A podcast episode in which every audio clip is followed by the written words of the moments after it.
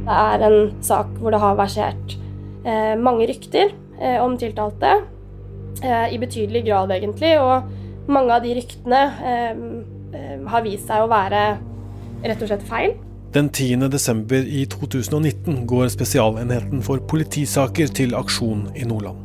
De pågriper en betrodd politimann i 30-åra. Denne politimannen har fungert som innsatsleder i politidistriktet, og har jobba tett opp mot rusmiljøet i lokalsamfunnet.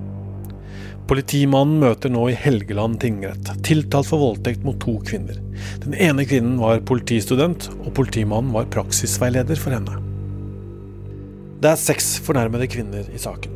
Mannen i 30-åra er også tiltalt for å ha misbrukt politistillingen sin til å skaffe seg seksuell omgang med fem av kvinnene gjennom en toårsperiode. Politimannen er suspendert og nekter straffskyld, men han har erkjent og hatt sex med alle kvinnene. Hvilke anklager må han svare for i rettssaken som pågår nå? Og hvordan er det mulig at en politimann angivelig kunne begå overgrep over en så lang periode?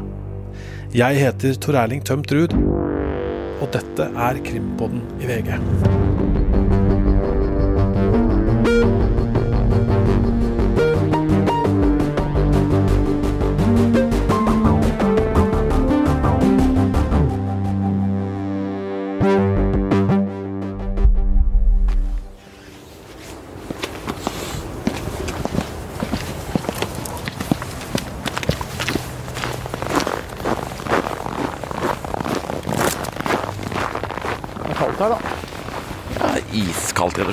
Eh, Når det bikker 20, da begynner man å føle at eh, nesehårene fryser til. Ja. Det er ikke ofte det er så kaldt. Nei. Ja, krimkommentator i VG, Øystein Millie, du var på dette stedet dette her skal ha skjedd før rettssaken starta, sammen med krimjournalist i VG, Ådne Husby Sandnes. Det er han som du hørte så vidt eh, før her. Kan du fortelle, Øystein, hva er det denne saken egentlig handler om? Hva er denne politimannen tiltalt for?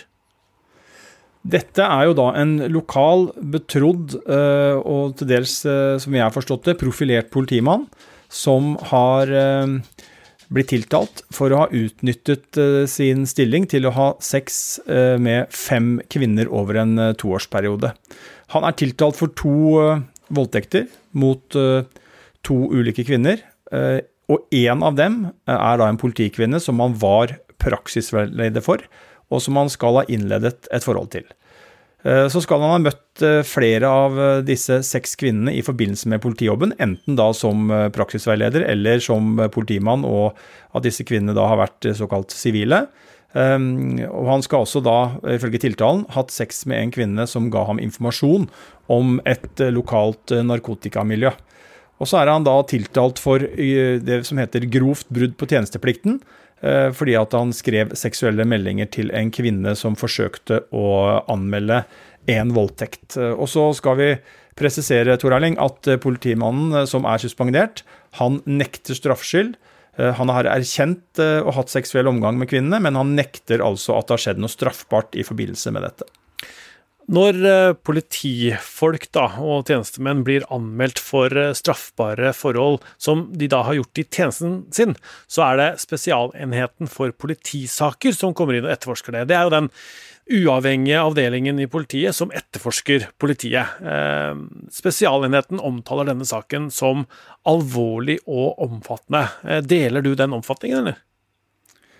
Anklagene her er jo eh, av svært alvorlig karakter, det er det ikke noe tvil om. Eh, Tiltalebeslutningen den rommer et, eh, et stort omfang med eh, da forskjellige typer lovbrudd, slik påtalemyndigheten ser det. Og så er det jo snakk om en tillitsperson her, en politimann. og det er jo sånn at Politiet har en helt særegen stilling i samfunnet. Man skal kunne stole på politifolk. Eh, og så er det litt spesielt at dette er jo en sak som eh, på et vis ikke har fått så mye oppmerksomhet, eh, men som sagt er veldig alvorlig. Vi snakker om to voldtekter han er tiltalt for, og voldtekt har altså da en minstestraff på tre år. Så, så bakteppet og tiltalebeslutningen og det som foregår i retten her, det er jo svært alvorlig. Det er et ganske lite sted, som jo selvfølgelig folk er veldig opptatt av denne saken som nå pågår. Når vi spiller dette her, så pågår altså da denne rettssaken. Den starta 17.1, og det er eh, satt av en måneds tid til denne saken eh, som pågår. Eh, hva er det disse dagene skal fylles med? Det er jo en omfattende sak, Tor Erling, som vi var innom. Og det stemmer jo at, at den skal pågå nå faktisk ut februar, mer eller mindre. Og så skal jo retten trekke seg tilbake og avsi en dom etter det igjen. Men det er jo uh, omfattende forklaringer fra da, den tiltalte politimannen. Det er forklaringer fra de såkalte fornærmede, som heter i retten. Da, de som uh, er utsatt, slik påtalemyndigheten ser det, for lovbruddene. og så er det 40 vitner som skal føres, og det er mye dokumentbevis, korrespondanse, SMS-er mellom den tiltalte og de fornærmede. Um, og så, ja, Vi legger jo til igjen, at, bare så det ligger klart, at det er jo en politimann som nekter straffskyld, og det gjør også at det blir en grundighet over, over, rettsforhandlingene, og at det blir ja, Ofte så blir det en, en, eh, ikke noe kortere rettssaker av at man har en situasjon hvor påstand står mot påstand. Uh, og så er det jo ikke så veldig ofte at rettssaker varer såpass lenge. Og det sier jo litt om alvorlighetsgraden når man har en så omfattende runde i retten som man ser i Nordland nå.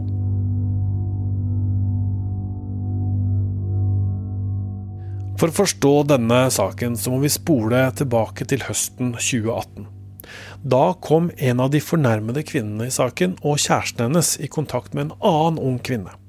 Denne kvinnen tilhørte det lokale rusmiljøet, og hun viste paret seksualiserte meldinger som hun hadde fått av politimannen. Paret fikk også tilsendt skjermbilder av disse meldingene, noe vi har skrevet om tidligere i VG. Etter å ha sett meldingene ville mannen i dette paret kontakte politiet. Men han visste ikke hvem han skulle prate med, eller hvordan han skulle gjøre det. Han tenkte også på hvilken innflytelse politimannen hadde internt i politiet. Ville han da bli tatt på alvor? Noen måneder seinere, den 2. desember, blei paret pågrepet i en narkotikasak. Mannen i forholdet sier til VG at han fra glattcella da fortalte andre politibetjenter om de seksualiserte meldingene politimannen hadde sendt til denne unge kvinnen i rusmiljøet. Men det gikk over et år fra mannen varsla om politimannen, til politimannen ble pågrepet den 10. i 2019. I mellomtida skal kjæresten hans ha blitt et offer for denne politimannen. Ifølge tiltalen skal politimannen ha utnytta stillingen sin til å ha sex med henne.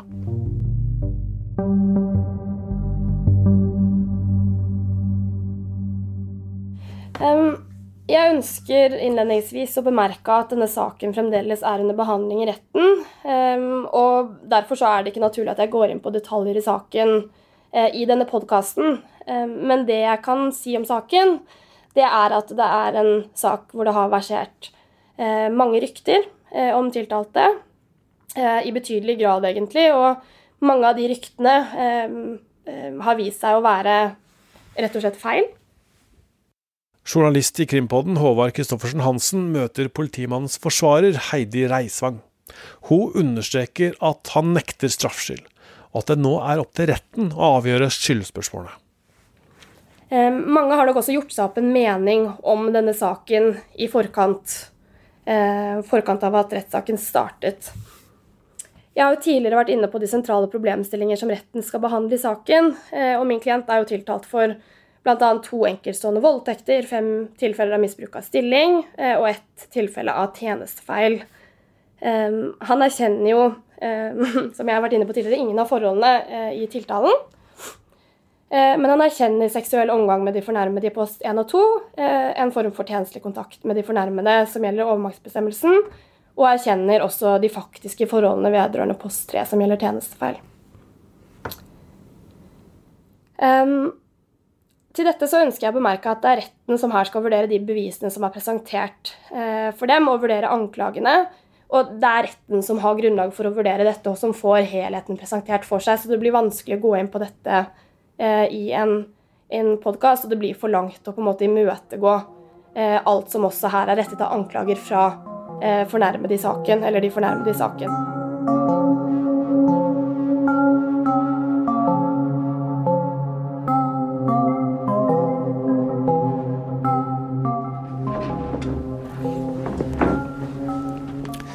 På rettssakens første dag så blir tiltalen lest opp i rettssalen.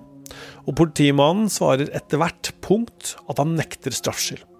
Aktor, altså påtalemyndigheten, spør ham deretter om hans seksuelle preferanser, hvor han forklarer at han er interessert i utforskende og spennende sex.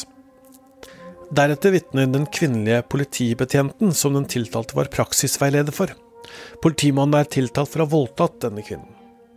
I 2017 var hun helt fersk i politiyrket. Hun forteller i retten at hun på politistasjonen skal ha blitt møtt av seksuell trakassering og kommentarer om kroppen hennes. Ifølge tiltalen skal politimannen og kvinnen etter hvert ha møtt hverandre etter å ha avtalt seksuell aktivitet. Krimjournalist Ådne forklarer hva som skjer inne i rettssalen. Det er mye sterke følelser. Det er eh, mye veldig personlige ting som legges fram, og det er eh, fra det mest intime og det mest personlige. Så det er en påkjenning for Veldig stor påkjenning for fornærmede, ser det ut som, som har det svært vanskelig. Og også en påkjenning for, eh, for tiltalte. Og det er jo en, det er jo en sak hvor, eh, hvor han hevder at de var hodestups forelsket. og og eh, ja, det var ikke helt riktig å, ifølge skikk og bruken å bli kjærester når han var hennes uh, praksisveileder. Men ja, de, at de ble hodestups forelsket da, og, og, drev med det etter hvert det som kan betegnes som litt sånn røff sex, og at uh, det til slutt da ble avtalt dette som da spesialenheten mener og fornærmede mener ble en, ble en voldtekt, og hun beskriver det som veldig, veldig smertefullt og, og vanskelig i dag. Og, mens han forteller jo om at det var uh, avtalt, og at man sluttet når hun sa hun hadde vondt. Så det er, uh, det er to, uh, to, forskjellige historier om en veldig alvorlig sak. Og forteller at hun har hatt det veldig vanskelig, at hun har vært fanget i et forhold. Fanget i en situasjon hvor, og en relasjon som hun føler seg tvunget inn i fordi at hun var redd for hva han skulle gjøre med praksis plassen hennes på politistasjonen hvis ikke hun gjorde som, eh, som hun trodde eller som, ja, Hvis ikke hun gjorde som, eh, som, han ville. Denne frykten ga hun etter egen forklaring heller ikke noe uttrykk for direkte over politimannen, selv om hun mener at han måtte, burde forstått det og ikke burde gjort som han gjorde.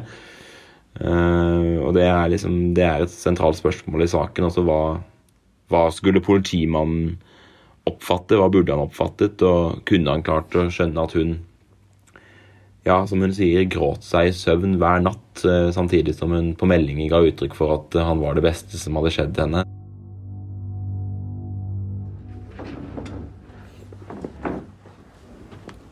Krimpodden har snakka med politimannens forsvarer Heidi Reisvang.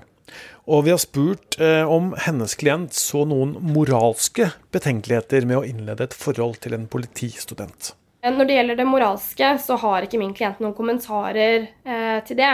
Det er i og for seg heller ikke tema i en eh, straffesak. Her er det en rekke vilkår som skal eh, være oppfylt dersom tiltalte skal kunne straffes for, for, dette forholdet. Han har gitt sin forklaring om politistudenten i retten, eh, og problemstillingen for denne posten er om det er, eh, eller har vært et gjensidig kjærlighetsforhold, og det er ført betydelig med motbevis i, i denne sammenheng. På dag fem i retten forklarer den andre kvinnen som politimannen er tiltalt for å ha voldtatt seg. Denne voldtekten skal ha skjedd i oktober 2019, og hendelsen er ikke knytta til jobben hans som politimann. Ifølge tiltalen bandt han kvinnen på hender, føtter og hals, og det står i tiltalen, og jeg siterer, til tross for at hun etter hvert sa nei, ba ham om å stanse og ba ham om å slippe henne løs, fortsatte han den seksuelle omgangen med henne. Sitat slutt. BDSM og avtaler om den type sex er altså et sentralt tema under rettssaken. BDSM er en samlebetegnelse for flere ulike seksuelle preferanser, gjerne knytta til dominans, underkastelse og smerte. Ifølge kvinnen så sa han til henne at han tente på at hun skreik og gjorde motstand. Det var så vondt at jeg trodde jeg skulle dø, forteller hun i rettssalen. Politimannens forsvarer, Heidi Reisvang, forteller at hennes klient erkjenner den seksuelle omgangen, men avviser at det dreier seg om et overgrep. Denne posten gjelder jo eh, en enkeltstående voldtekt som ikke har noen sammenheng med hans stilling som eh, politibetjent. Eh, når det gjelder tiltalen her, så gjelder denne siste halvdel av oktober 2019. Eh, fornærmede har nå forklart seg om en episode som hun tidfester noe annerledes i retten. Eh, det er klart det er vanskelig å imøtegå en episode som er så lite konkretisert som dette. Min klient har gitt sin forklaring om et tilfelle han tror det er, eh, etter beste evne. Han er helt klar på at det ikke har skjedd et seksuelt overgrep, og at den seksuelle omgangen har vært frivillig. Retten har fått presentert det totale bevisbildet om å vurdere her hva slags avtaler som eventuelt er gjort i forkant, underveis, om han eventuelt har gått for langt, og om han har forstått. Vi har vært i kontakt med politimesteren i Nordland, Heidi Kløkstad. Hun ber om forståelse for at de ikke kan kommentere en pågående rettssak, men skriver følgende i en e-post til VG. Dette er en svært alvorlig sak, først og fremst for de fornærmede, men også for politiet, og vi tar avstand fra de handlinger som er beskrevet i tiltalen. Det er også viktig for oss å understreke at i Nordland politidistrikt så har vi nulltoleranse for seksuell trakassering. Dette er jevnlig på agendaen på alle nivå i etaten. Vi har system for varsling som både ansatte og studenter kan benytte dersom man opplever kritikkverdige forhold. I denne saken i Nordland så er det jo sånn at politimannen han erkjenner jo å ha hatt sex med kvinnene. Og Øystein Millie, han sier de har avtalt å møtes for å ha røff sex. Og det i seg sjøl er jo ikke ulovlig. Nei, det er det jo ikke. Eh, og de to kvinnene som han er tiltalt for å ha voldtatt, de har jo på et tidspunkt eh, samtykket til å ha seksuell omgang med politimannen. Eh, og det er også avtalt seksuelle møter med ham. Men spørsmålet det er jo da om politimannen har respektert deres grenser, og at han har gitt seg når de, disse har sagt stopp og nei. For det hevder jo de at de har gjort, og de hevder at han ikke da har øh, overholdt og respektert deres nei. Uh, og dette er jo ting som potensielt er utfordrende å føre bevis for i retten. Da skal vi jo eh, lede oppmerksomheten mot det vi ofte snakker om i, i krimpodden vår, Tor Erling, og det er disse generelle beviskravene i norsk strafferett, som jo er veldig strenge, skal være veldig strenge. Retten må komme til at det er bevist utover enhver rimelig og fornuftig tvil, og det betyr at man nesten er helt sikker på at det som tiltalebeslutningen beskriver, har skjedd. Ja, fordi politimannen, han fastholder jo eh, sin forklaring og sier at eh, disse kvinnene frivillig har vært med på det som blir omtalt som BDSM-sex og, og, disse tingene. Ja da, han mener det, og, og, sier i retten veldig tydelig at han under seksuell omgang har forholdt seg til dette. Altså at nei er et nei, og stopp er stopp. Det er han helt uh, tydelig på, og avviser kategorisk at han uh, har opptrådt voldelig. Og Han starta jo sin forklaring i retten med å si at dette er et sårt tema for ham, uh, og at det er vanskelig. Han skal forsvare seg mot bl.a. denne kvinnens, politikvinnens anklager, som han da har vært praksisveileder for. og sa jo bl.a. Uh, i retten da, at jeg har sittet her i to dager og hørt at det eneste hun har brydd seg om, var å komme seg bort fra meg.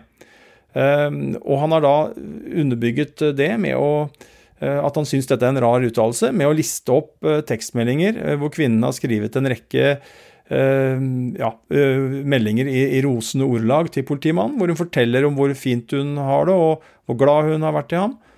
Og sagt bl.a. at du er det, eller skrevet at du er det beste som har skjedd i, i livet mitt. Så han sier jo at han var hodestups forelsket i henne og hans klare inntrykk var at hun var det samme tilbake. Det blei varsla om at politimannen skrev seksualiserte meldinger til en ung kvinne i rusmiljøet i desember i 2018, men det gikk over et år før politimannen blei pågrepet, og ifølge tiltalen så fortsatte da overgrepene i denne mellomtida. Hvordan er det mulig at politimannen angivelig skal ha begått overgrep over en så lang periode, uten at politiet sjøl har oppdaga det? For det første så er det jo sånn at flere av de fornærmede har fortalt at de av ulike grunner ikke sa uh, Fortalte om historiene sine, fortalte hva de mente hadde skjedd, uh, med en gang. Kvinnen som var politistudent, fortalte heller ikke om det hun mente var en voldtekt i sitt første politiavhør. Uh, den andre kvinnen, som angivelig skal ha blitt voldtatt, fortalte i retten at hun ikke ville ødelegge karrieren til politimannen. Og så er det et faktum at Spesialenheten mener politimannen fortsatt å misbruke stillingen sin til, eh, til sex, og at det skal ha skjedd en voldtekt etter at kjæresteparet varslet. Eh, politistasjonssjefen dette, på dette stedet vitna i retten og fortalte jo da om at det lokale politiet gjennom hele 2019 faktisk ble varsla om flere ulike forhold som knytta seg til denne politimannen. Og Disse varslene ble sendt videre til en påtaleleder, men eh, først i november 2019 så ble saken sendt til eh, Spesialenheten for vurdering. Og så er jo det en diskusjon og et tema som går på dette stedet om eh, hvorfor det tok så lang tid, og det er flere som vil kunne mene at det burde kunne vært tatt en affære raskere i politidistriktet enn det som ble, ble gjort. Vi spurte politimannens forsvarer om han hadde noen moralske betenkeligheter med å ha seksuell omgang med kvinner han hadde kommet i kontakt med gjennom politiarbeidet sitt. Jeg tenker at Det er ikke naturlig å kommentere det moralske perspektivet eh, på dette her. Vi står i en straffesak der det er ulike problemstillinger per eh, den enkelte fornærmede. Eh, bare fordi at det er eh, la oss si flere fornærmede i denne saken, så er ikke det heller ensbetydende med at min klient har gjort noe straffbart. Det gjør ikke at anklagene eh, har noe mer troverdighet eller er, eh, inneholder noe mer eh, substans eller er sanne. Eh, det er individuelle anklager, og det er mange strenge vilkår som skal være oppfylt for at han skal kunne straffes eh, for disse forholdene. Ådne Husby Sandnes, du er krimjournalist eh, her i VG sammen med oss. Du har fulgt denne saken og forklaringene til flere av disse kvinnene fra rettssalen i Helgeland eh, tingrett, men også gjennom videolink da, som vi kan få nå eh, mens du har sittet her i Oslo. Og den siste uka så har den siste blant de fornærmede kvinnene forklart seg i retten. Politimannen er tiltalt for å ha utnytta stillingen sin for å ha sex med henne. Hva forteller denne kvinnen? Dette er jo en kvinne som uh, har hatt en Første gang beskriver en vanskelig oppvekst. I ung alder, uh, i forbindelse med at hun har uh, vært i, i, det systemet, da. Møtte politimannen også da. Um, altså, kvinnen forteller at flere år etterpå ble stoppet av politimannen i forbindelse med trafikkontroller, og da skal hun ha sendt en sånn melding til politimannen om at har du ikke noe bedre å gjøre? Og etter det så har det utviklet seg en, en meldingskontakt mellom dem. Ehm, denne kontakten mellom, mellom de to uh, ble etter hvert uh, seksualisert, kom uh, fram i retten. Og da fikk hun spørsmål om hvem var det som tok initiativ til disse drøye meldingene. Og det ville hun si var han, da. Men som mange andre av disse kvinnene også, så la hun ikke skjul på at hun også var flørtete mot han. For det hadde hun nok vært. Og hun fortalte også at hun etter hvert ble betatt av han, da. Og og det utover i, i 2018 beskriver hun, så var kontakten for det meste seksuell, beskrev hun. Og eh, etter hvert så hadde de eh, seksuell eh, omgang. Eh, og eh, hun forteller at eh, det er jo slik at hun er fornærmet i en sak hvor han skal ha misbrukt henne som et, et, et tillitsforhold, hvor hun, et avhengighetsforhold, et, et, hvor han, han, har stått over henne på en måte i sånn overmaktsforhold. da. Og da var det jo tema for eh, Spesialenheten at eh, hun angivelig på et tidspunkt hadde et alkoholproblem. Eh, og at hun ble angivelig da påspandert dette av denne politimannen. Og da ville Spesialenheten vite om var, det, var dette noe av årsaken til at du gikk til politimannen, og, og var det slik at eh, noe av årsaken til at du dro til politimannen, eh, var at han var politi? Hadde, du møtt ham hvis ikke han var politi? At det liksom var spennende? Ja, det, det, var en sånn helt sentral del av et altså, Det må jo på en måte bevises at dette har en årsakssammenheng. Da, at det er sånn at eh, den seksuelle omgangen er knyttet opp til han som det overmaktsforholdet han var i. Enten om det var at han kunne da tilby f.eks. alkohol, eller at han, fordi at han var i politiet. Og Da svarte hun ja, spesielt den ene gangen, så, så var det slik at alkohol var inne i bildet på hvorfor han, hun dro dit. Og at uh, hun svarte jo også positivt på da, at det var sånn at hun hadde ikke møtt han eh, hvis ikke han var politi. Um, og det, det, var liksom sånn avsluttende, den avsluttende sekvensen på hennes vitnemål. da. Uh, og, men det er også flere av de andre kvinnene som fikk en spørsmål om ja, hva tenker du om han i dag, og det svarte hun at hun syntes var et vanskelig spørsmål, fordi hun ser ikke på han for det han gjorde. Uh, og han, hun, ikke, hun, var ikke sint, sa hun, og han, hun ville ikke ha noe vondt. Uh, og hun var fortsatt redd for hva som skulle komme fram om han. Og måte Hun hadde en omsorgsfølelse for han, da, sa hun rett ut. Sånn som det er i disse sakene, så er det sånn at fornærmede forteller seg først, og så er det da politimannen som forklarer seg. Etter hver eh, kvinne som kommer inn og forklarer seg, så Ja. er det politimannen sin Ja. tur. Hva, hva sier han da om uh, denne saken? Vi har jo snakka med forsvareren til politimannen, som på en måte er kanskje mer generell, men hva sier politimannen selv i retten om denne kvinnen? Ja, Nei, Han har jo ulike forklaringer til hver enkelt kvinne. Han legger ikke skjul på at det har vært mye, mange kvinner, og mye sex. Eh, og, men han sier jo at dette forholdet til denne, denne kvinnen som vi snakka om her, ikke har vært så omfattende som det eh, denne kvinnen forteller, da. Eh, det var jo også slik at dette var den første eh, saken som kom opp. Dette var det som gjorde at det ble rullet opp i stor grad, fordi at meldinger mellom denne kvinnen og han, de ble spredt rundt i et miljø i Nordland. Så disse meldingene var overalt, ble det på en måte sagt eh, i retten, da. Eh, og til slutt, i forbindelse med denne mannen vi har snakket med, så uh, ble det varslet politiet om også. Og utover i 2019 så kom det nok en større bevissthet i politiet at dette her var noe man måtte ta tak i. Eh, og man eh, Og det, altså det var på en måte starten på saken, da. Og da eh, eh, var det jo sånn at eh, da han først kom inn i politiavhør, så sa han nei, jeg har ikke hatt sex med henne. Og det gjør jo selvfølgelig Spesialenhet et stort poeng av. Hvorfor valgte du å lyve da du kom i det første Mm. avhøret ditt? Eh, da sa jo politimannen at, han- at han var i sjokk. Han hadde aldri vært i arresten før. Han hadde, det, det, det, var, dette var noe som tynget han veldig. Men at han allerede i bilen på vei til eh, fengselet eh, beslutt, besluttet at han skulle fortelle sannheten. Og at han da i et rettsmøte da når han skulle bli varetektsfengslet, fortalte at han ja, han hadde hatt sex med henne. Eh, men likevel så er jo det en sånn typisk ting som Spesialenheten virkelig vil legge seg borti, da. Hvorfor ville du ikke Hvorfor fortalte du ikke sannheten? Og da sa han på sånn god nordnorsk at han rett og slett dreit seg ut. Øystein var jo inne på det, at, eh, at det er omfattende bevis. Eh, Hva, hva har du sett og hørt om hva som har blitt lagt fram? Ja. Det er, jo, det er jo ikke tvil om at sånne saker som det her er ikke som et eh, butikktyveri tatt på fersken med videoovervåking. Altså det er et mye mer sammensatt bevisbilde. Eh, og det er jo slik at denne saken, da den begynte, var det to fornærmede. Og så har det ballet på seg med, med flere og flere saker utover etterforskningen. Og det i seg selv, at det er mange som forklarer seg om det samme, kan jo ses på som et uh, bevis. Uh, men det er jo ikke tvil om at uh, det er jo mye i utgangspunktet en forklaring mot en annens forklaring. Det er som mange andre seksuallovbrudd i det helt private sfæren, hvor det er på en måte er hvilken forklaring er troverdig. Og i tillegg så har man jo da brukt mye tid på en voldsom mengde av tekstmeldinger. Eh, vi har kanskje vært inne på det tidligere, men det var jo eh, hun politistudenten og han eh, politimannen de hadde jo totalt 31 000 meldinger i sitt forhold. Og hvis man begynner å dele det opp, så nærmer det seg liksom 100 meldinger om dagen da, mellom de, og det er jo, det er jo ganske mye.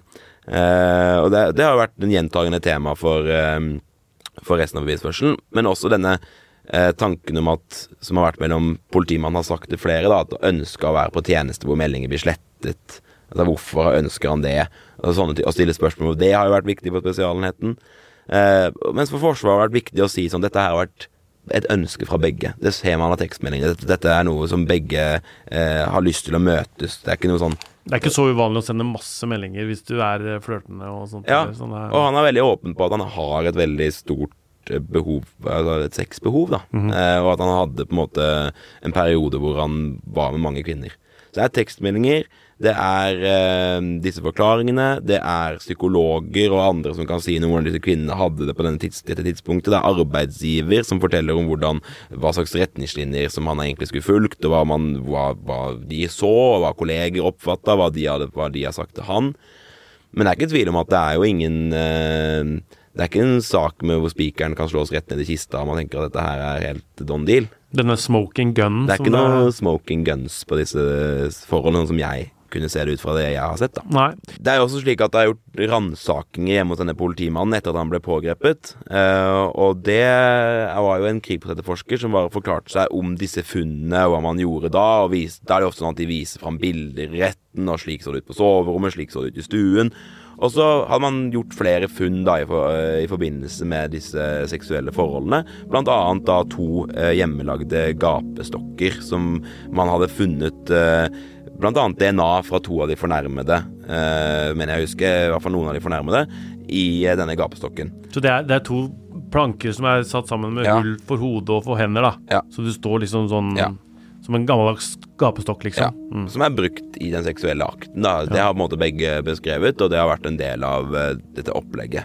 For det er jo ikke noe tvil om at det har vært slik som forsvareren også sier, at det har vært avtalt det som blitt omtalt som røff sex da i forkant her, og, og sånn type sex. Mm. Eh, så det var jo Og flere andre sånne sexleketøy og remedier bare ble, ble beskrevet eh, av denne Kripos-etterforskeren. Eh,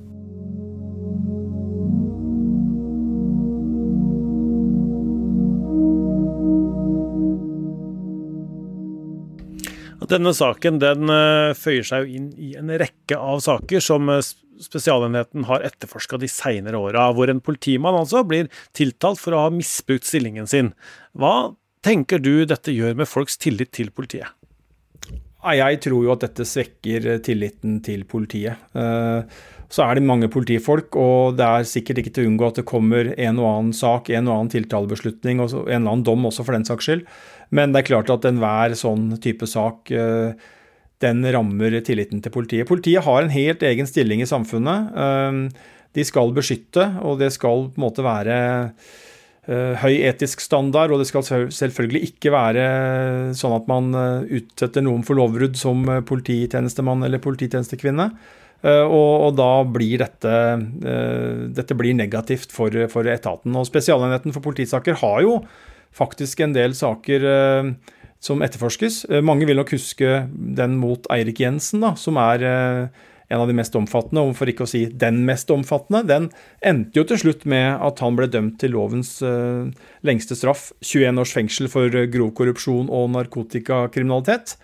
Men det har også vært andre omfattende saker de siste årene som har handla om politifolk, og hvor bl.a. dette med seksuallovbrudd har vært tema.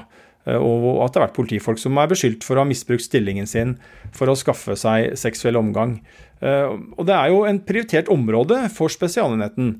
Fordi at eh, det er klart, politifolk har, som jeg var inne på, mye makt. Og i en maktsituasjon så kan det oppstå uheldige situasjoner. og dette har jo da Spesialenheten fokus på. Det er selvfølgelig skadelig for ofrene, og det er eh, egnet til å bryte ned tilliten til eh, politiet, skriver Spesialenheten i en rapport fra 2010 som handler om da nettopp dette med problemstillingen knytta til seksuallovbrudd. Og som jeg sier, jeg tror dessverre at denne saken fra Nordland, den den svekker Og da skal jeg bare legge til òg at jeg vet at det ikke er avsagt en dom, og politimannen nekter straffskyld, men jeg tror det at bare det dukker opp en sak hvor det er en tiltalebeslutning, så er det i seg selv med på å svekke tilliten til politiet. Vi har sett en helt eh, fersk tiltale som NRK har skrevet om, der en politimann med lederstilling er tiltalt for å ha misbrukt stillingen sin til bl.a. til å få en kvinnelig kollega til å utføre oralsex på ham.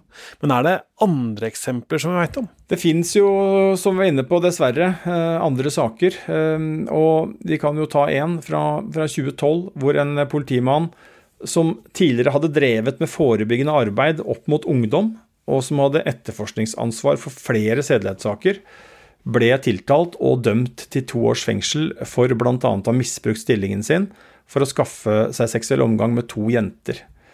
Eh, han ble jo også retten da fradømt eh, muligheten til å jobbe som politimann for all fremtid.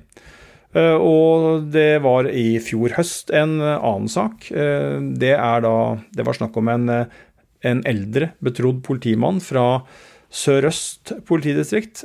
Han ble dømt til fengsel i to år og tre måneder for å ha utnytta stillingen sin til å skaffe seg sex med tre sårbare kvinner. Denne dommen er anket, så ikke avgjort, med andre ord. Men det er jo da et fellestrekk med slike saker som vi snakker om her, er jo at politifolkene ofte kan ha spesielt betrodde funksjoner, og særlig kompetanse kanskje, også innenfor noen fagområder. Og når det gjelder politimannen i Nordland, som vi har vært oppe og, og jobba med, så var det jo sånn at han brukte mye tid på såkalte belastede miljøer, både i og utenfor arbeidstid. og To av de fornærmede i den saken har da altså vært tilknyttet eh, det som eh, omtales som et rusmiljø. Om du har tips i denne saken, så kan du sende e-post til oss på krimpodden at vg.no.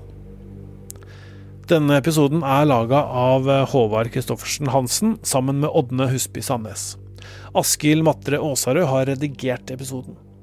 Produsent for Krimpodden er Vilde Worren. Musikken er laga av Ronny Furuvik. Krimkommentator Øystein Milli var som vanlig med, og jeg heter Tor Erling Tømt Ruud. Du kan abonnere på Krimpodden på iTunes og inne i VG-appen eller i Podme. Da får du beskjed så fort vi slipper en ny episode. Og du kan også følge oss på Facebook og Instagram. Vi er tilbake igjen neste torsdag med en ny episode.